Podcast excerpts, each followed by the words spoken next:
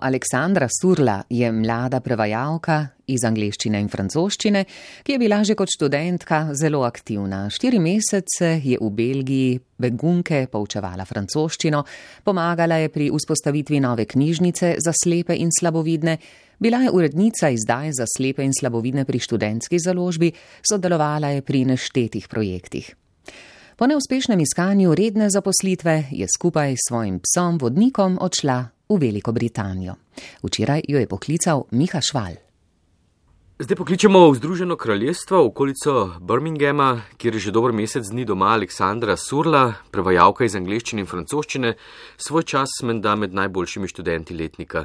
Uh, Aleksandra, sem povedal kaj narobe in dober dan, seveda.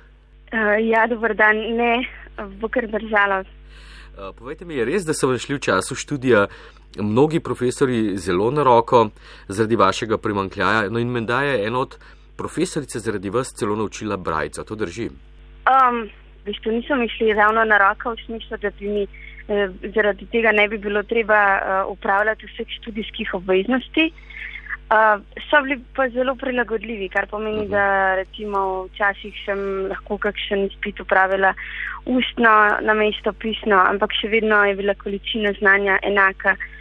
Uh, kar se pa brajce tiče, je pa res. Um, to se je pa zgodilo na primerjalni književnosti, profesorica Vanessa Matajc, uh, ona se je pa res naučila brajco, zato da v bistvu smo si lahko dopisovali v brajci. Ja, namreč ste upisali tudi rusistiko in primerjalno književnost na podiplomskem študiju, pa zanimivo, ne, ste rusti, ruščino upustili prav zaradi svoje ovire, kajti določeni predmeti so bili taki, da jih preprosto niste mogli kot slepa oseba spremljati. To drži. Ja, to drži. Posebno tisti predmeti, ki v bistvu so vključevali znanje drugih pisav, pa s tem ne mislim na cirilico, ampak na glagolico in recimo na staro crkveno um, slovanščino. Ne samo, da bi morala izpite delati ustno, ampak tudi vse material za te predmete je, bi moral biti v, v zvočni obliki, kar je bilo več kot 30 ur zvočnega posnetka um, in bi zahtevalo. Ne pravim, da ne bi bilo mogoče, ampak jaz sem v tistem trenutku imela preveč um, drugih obveznosti in enostavno nisem mogla. Uh mhm. -huh. Najbrž eh, tudi zato, ker ste bili tudi že kot študentka zelo, zelo aktivni, eh, zato o vaših kompetencah, ki so pogosto krat ovira za zaposlitev, pri vas sploh ne gre razpravljati. Eh, vse sorte ste počeli tako doma kot v tujini. Kaj recimo so bile tiste zaposlitve, katerih ste se lotili, dokler ste še bili v Sloveniji? Recimo delala sem kot koordinator na projektu, na študentski založbi, delala sem na Zvezi slepih. Eh, dve leti in pol kot eh, urednica časopisov v Brajci in v povečanem tisku. Eh, nekaj časa sem v bistvu delala tudi preko interneta za eno ameriško organizacijo, kjer sem delala PR in sem v bistvu vzpostavljala kontakte z novinarji tudi New York, za New York Times, pa The Boston Globe, pa BBC. Um, Tako da ja, lahko bi rekla, da, da imam za sabo že kar nekaj izkušenj, čeprav še nisem stara 30 let. ja, ampak vse te izkušnje vam pa nekako niso pomagale, če razumem, so bile to bolj kot ne eh, projektne zaposlitve, da bi dobili uh, ja. redno službo. Ne? In tako ste nekako postali, bom rekel, tipičen primer slovenske realnosti oziroma bega možganov, ker pač niste dobili službe doma, ste šli v tujino. No, pravzaprav je bilo tako, ne? malo zaradi ljubezni, veliko pa zaradi službe. Ja, ja, ja točno tako. Ja. Um, žal je v Sloveniji še vedno tako, da enostavno redne zaposlitve, redno zaposlitev je dobiti zelo težko. Uh -huh.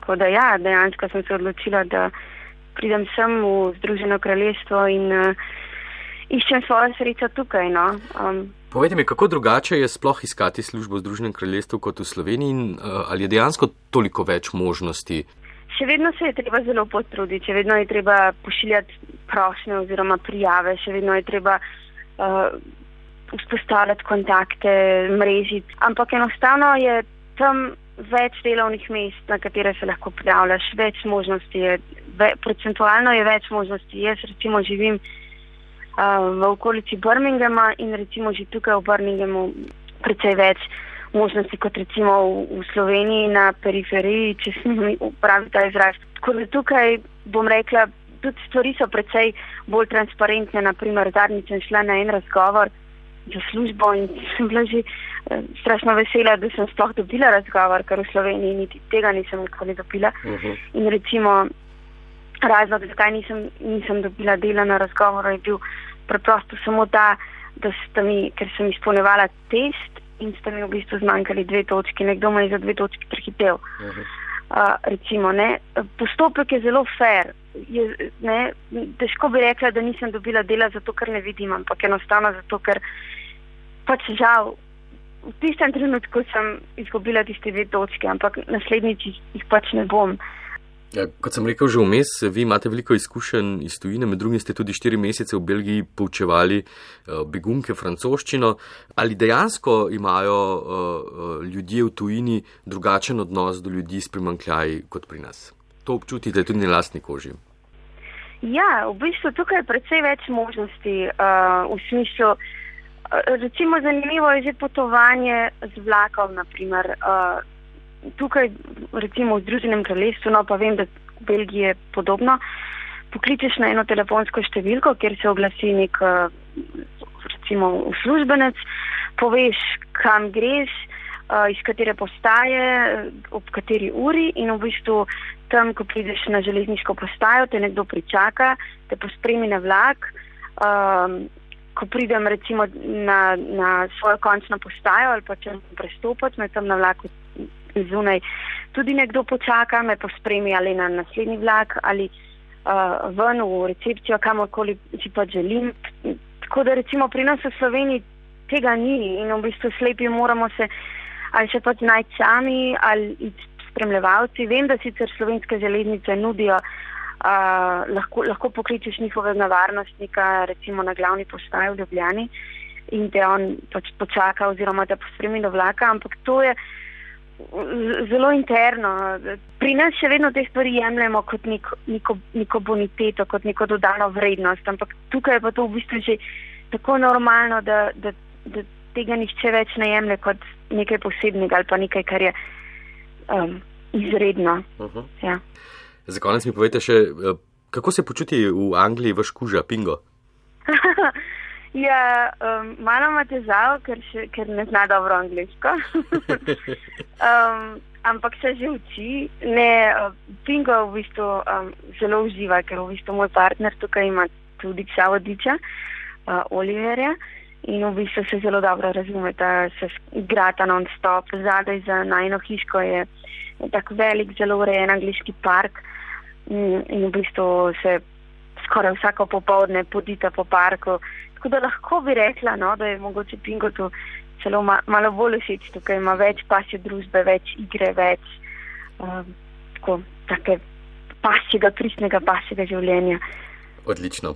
Uh, Aleksandra, želim vam, da bi čim prej našli službo, ki jo boste upravljali z veseljem in seveda Hvala vse dobro. Hvala, nasvidenje.